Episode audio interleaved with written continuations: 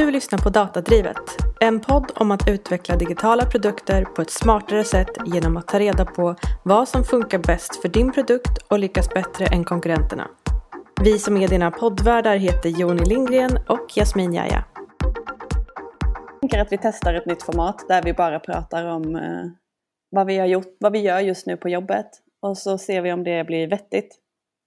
Mm. Vad gör du på jobbet? Förra veckan så hade jag ett riktigt huvudbry. För jag, har, jag håller på att rekrytera ett helt team som vi kallar för Growth Team. Och då har jag liksom skrivit annonser för specifika roller. Så en kallar jag för Content Creator. För det är, det är liksom en satsning vi har. Vi vet, vi liksom inbound marketing behöver innehåll och så finns det så otroligt mycket att, att skriva om, om den här produkten. Så det, det, ska vi göra, det vet vi. Så content i form av text? Eh, till att börja med text, men absolut inte begränsat till text.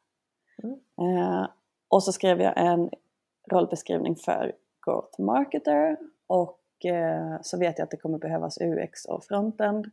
Och så har vi ju en eh, digital analytiker, ganska teknisk redan. Mm. Och det skulle, så här, får jag ihop det där så tror jag att det teamet skulle kunna springa ganska långt. Men det var något som skavde med att jag skrev de här, att jag liksom definierade rollerna. För det kändes typ som att jag begränsade möjligheterna för vad det här teamet kan åstadkomma bara genom att göra det. Mm. Alltså de flesta som jag känner som har kommit in i den här svängen, alltså growth eller ja, men som liksom köpt in på, på den processen och vad det är man gör och hur man gör det kommer från så många olika bakgrunder. Alltså kolla dig själv, du är typ optiker som startade en blogg. Vad är jag? Eh, höll på med liksom ideella organisationer. I don't know. Ja, men så här, folk, folk kommer från så olika bakgrunder. Det är inte typ att, att man har en utbildning utan man har liksom hittat in till det för att man tror på någonting. Och man kan ha varit marknadsförare eller journalist eller frontendutvecklare. Och, och det gör liksom att de, bredden i de här personerna som man möter är ju, den är liksom lite svårdefinierbar utan det är mer vad man samlas kring. Alltså mm. man, samlar, man utgår ifrån data, analys, eh, hitta möjligheterna där och sen att testa det man tror på. Precis, och sen så bara för att, för bara, bara för att man är copywriter så behöver det inte passa i det här sammanhanget. Exakt. Eller Ja, eller frontendare eller analytiker för den delen. Heller. För att det började skava så la jag upp en, eh, det finns en Facebookgrupp som heter, vad heter den, Growth Hackers? Sweden, Swedish Growth Hackers kanske ja. heter.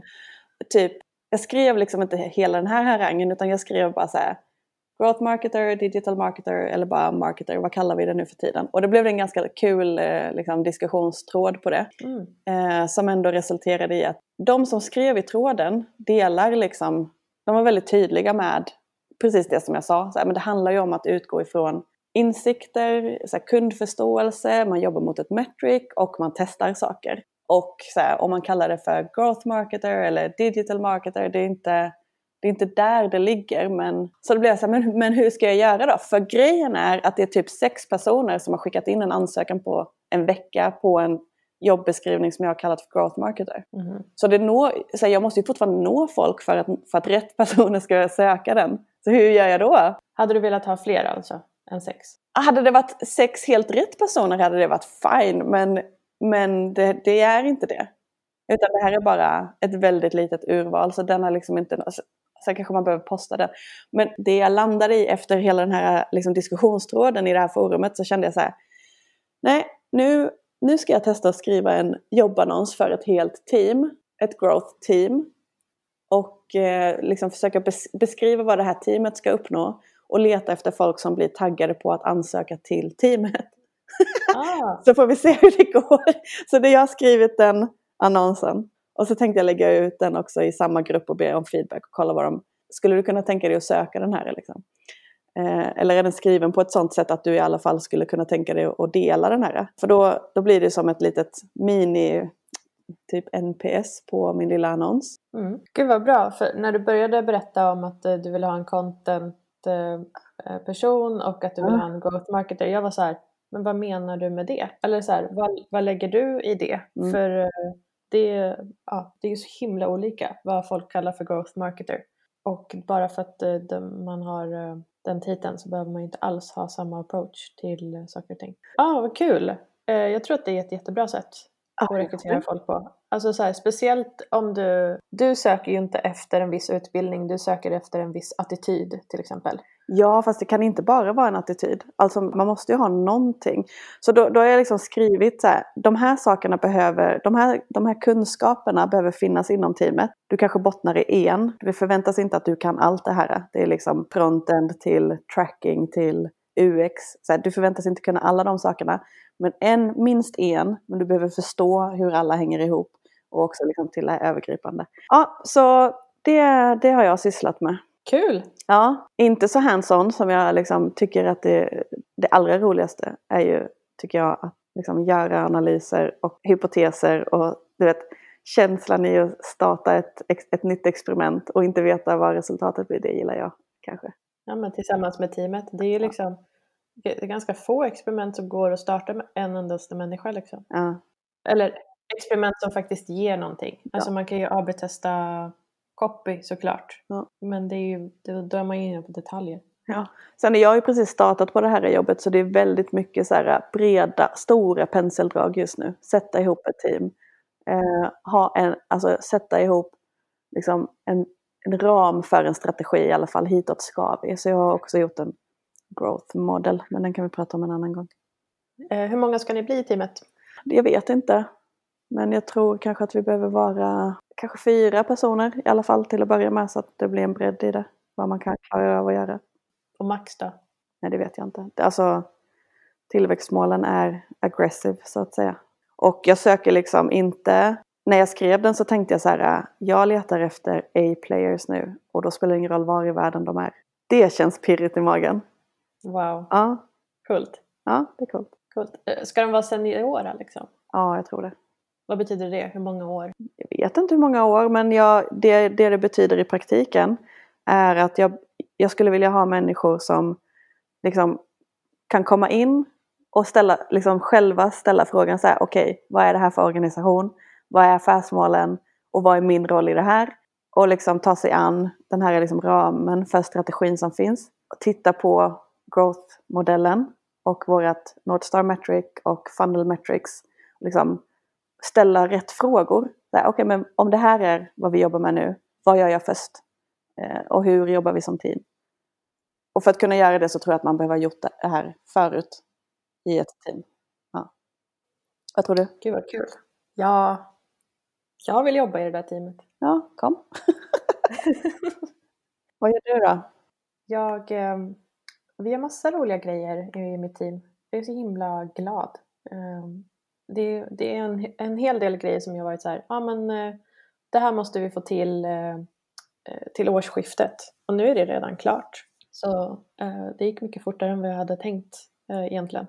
Men vi, vi vill veta vad alla kommunikations och marknadsföringsaktiviteter ger för någonting. Och i och med att vi har valt att inte ha pixlar på våra egna eh, sajter för vi vill inte dela massa information till eh, de här bolagen, Google och Facebook, mer än vad de redan har. Mm. Eh, mer än alltså, att vi postar och att det klickas men sen vill vi inte liksom eh, sälja bort den informationen ännu mer till, eh, till dem eh, om våra användare. Men vi vill ju fortfarande lära oss. Vad är det som ger konvertering i våra egna plattformar? Så då har vi börjat tagga alla våra länkar med sådana UTM-koder. Men vi har liksom gjort det lite smartare än bara UTM-taggar.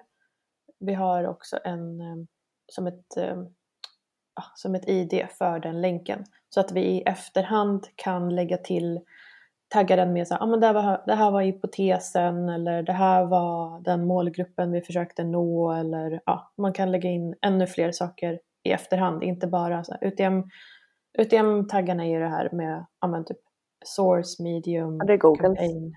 Ja, precis. Ja. precis. Så, så att du i Google Analytics kan se de där grejerna. Men eh, vi har lagt till ett, ännu ett, eh, bara en liten eh, kod. Så det är klart och det har vi liksom byggt ett litet eh, snabbt byggt verktyg så att vem som helst som postar länkar ska lätt kunna tagga sina länkar. Och då får man ut en taggad länk, man får också en kortad eh, variant som en bitlig länk typ. Mm. Som man kan posta. Ni har gjort ett, ett eget bitly? Mm, typ. typ. Ja, typ typ. Och sen så, då kan vi liksom se dels hur många som eh, klickade på länken men också vad det gav i plattformarna, alltså konvertering och sådär. Eh, det jag är glad för det är att eh, det är så många som använder det här. Det är liksom ganska olika sorters bakgrund på alla som skapar länkar och postar och sådär. Och det verkar som att eh, de gillar verktyget, de tycker det är enkelt att använda, de förstår nyttan med det och eh, liksom berättar för andra i hela organisationen att ja, men, eh, vi måste tagga länkar, så här gör man och liksom bjuder in fler personer till det själv. Så det är liksom produkten sprider sig själv. Eh, så det är nice. Men det här är egentligen bara, alltså bara inom citationstecken, men någonting som möjliggör för er att lära er mer i slutändan. Så ni har byggt liksom ett internt verktyg att använda för tracking. Precis, precis. Det är inte som att vi eh, ser till att det blir fler länkar eller ja, något sånt där. Utan allt arbete som redan görs med att posta länkar, alla de länkarna ska vara taggade bara. Hur mycket tid lade ni på att bygga det då, verktyget? Ja, eh, för några veckor sedan. Ja. Och eh, det blev ju klart liksom kanske två veckor efter att vi hade, för vi kopplade ihop, det vi gjorde var att vi byggde verktyget, vi kopplade ihop det med något som heter Funnel.io mm. som eh, liksom kopplar ihop all information och rensar datan från de olika datakällorna. Alltså impressions och klick och allting heter ju olika saker i olika verktyg så den liksom tvättar den datan emellan kan man säga. Så två veckor efter att vi hade börjat med det så såg vi att ah, men nu funkar verktyget och eh, hämtar in datan på det sättet vi vill och den, den, den går att fånga upp i eh, BigQuery eh, som vi använder för att ja, samla vår data för plattformarna och allting. Så typ två veckor. Och så gjorde vi lite UX-fix med själva verktyget som vi hade byggt så att det skulle vara lite lättare att använda. Så började vi dela det med olika personer. Min erfarenhet är att man ofta underskattar hur mycket tid det tar eh, som man behöver lägga på att bara se till att samla data, att hålla den ren och liksom bara för att kunna använda datan. Ja, alltså det vi får in nu det är ju läst klick. Så eh, vår attribueringsmodell är ju inte så himla det är ingen finess i den. liksom. Vi kanske ser ett värde av att så här, börja se, börja liksom attribuera på ett annat sätt och sånt där. Mm. Men just nu, ja men vi, vi har sett några grejer som inte har funkat med datan. Men annars så har det samlats in rätt. Mm. Nej, men jag menar generellt, alltså spårning i de plattformarna där man är som är ens egna, spårning i plattformar där man är som man inte äger och att det ska kopplas ihop. Och om man bygger en om man har en produkt där användare liksom får ut kärnvärdet av det som företaget gör.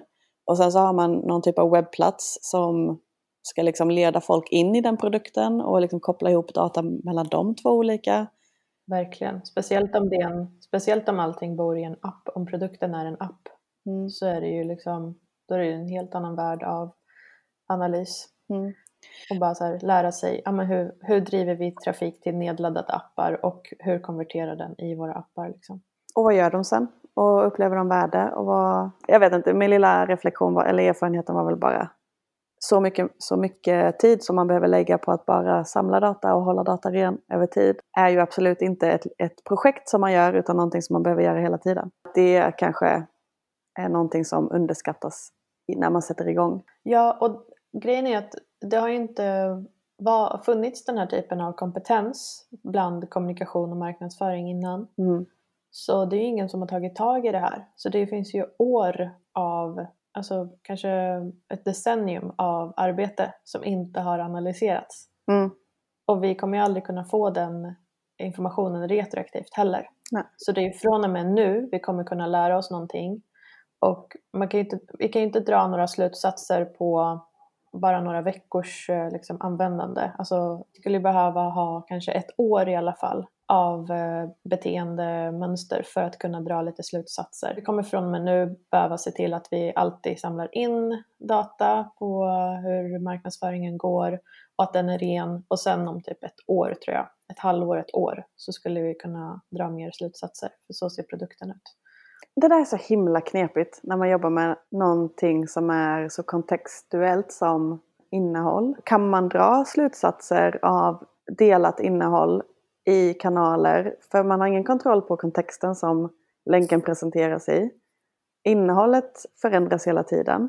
Om man typ pratar om olika, kolla på den här ja. filmen eller vad det nu är man liksom promotar. Ja, det beror ju jättemycket på vad det är för innehåll. Alltså om eh, alla streamingtjänster, alla som Spotify, om de har helt plötsligt inte har en mängd musik, då blir ju hela Spotify en sämre tjänst. Snarare än att det finns massa features i Spotify. Ja, alltså i alla fall när det kommer till vad man kommunicerar i andra kanaler som typ alltså marknadsföring. Jag jobbade med eh, DN för länge sedan. Jag jobbade med deras redaktörer på startsidan för att de, någon hade väl liksom hört talas om konverteringsoptimering och kunde man använda det. Och det de mätte mot var ju typ genomklickning från ettan kallar de det, alltså typ långa startsidan. Det gick ju att, att tagga saker med viss metadata, typ hade puff en puff en bild, hade en puff en video, hade en puff mer eller mindre text eller hade man använt en blå eller en röd länk? Alltså vi hade ändå alldeles för lite data för att kunna säga någonting och när tillräckligt mycket data hade samlats så hade det gått så mycket tid att man ändå hade ändrat på någonting. Alltså det var, som, mm. det, känd, det var verkligen typ så här, vet du, stå i en båt och bara så ösa vatten. Det, det, var svårt att få, få ut någonting av det. Jag tror de har rätt bra koll på vilket innehåll som har funkat bra i sociala medier till ja. exempel för att driva klick.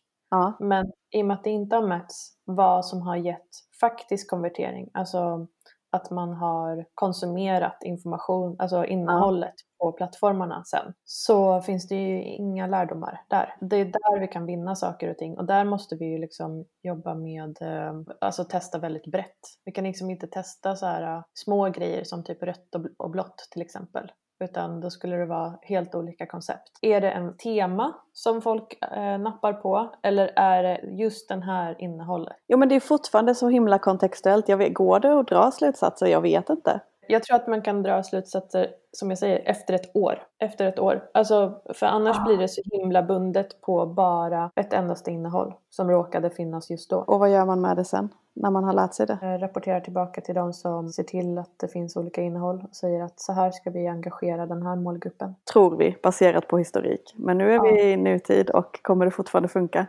eh, och delar, det vi delar i innehållet är en ny titel eller en ny genre. Alltså, det är fortfarande... Ja, eller drömmen skulle vara att vi kan i nutid baserat på den informationen vi har så har vi ett gäng hypoteser om att den här målgruppen som är småbarnsföräldrar, föräldrar till barn som går, precis har börjat förskolan till exempel, de tycker om den här typen av innehåll. Nu vet vi inte vilket innehåll vi ska köpa in så vi testar två olika. Och det som folk verkar nappa på, det köper vi in. Och sen så tänker jag också att det, är ju, det skulle ju vara mer skalbart att testa en algoritm än att testa liksom enstaka liksom, eh, redaktörers, kan vi kalla det, förmåga att välja vilken länk man ska dela och hur man ska namnge den.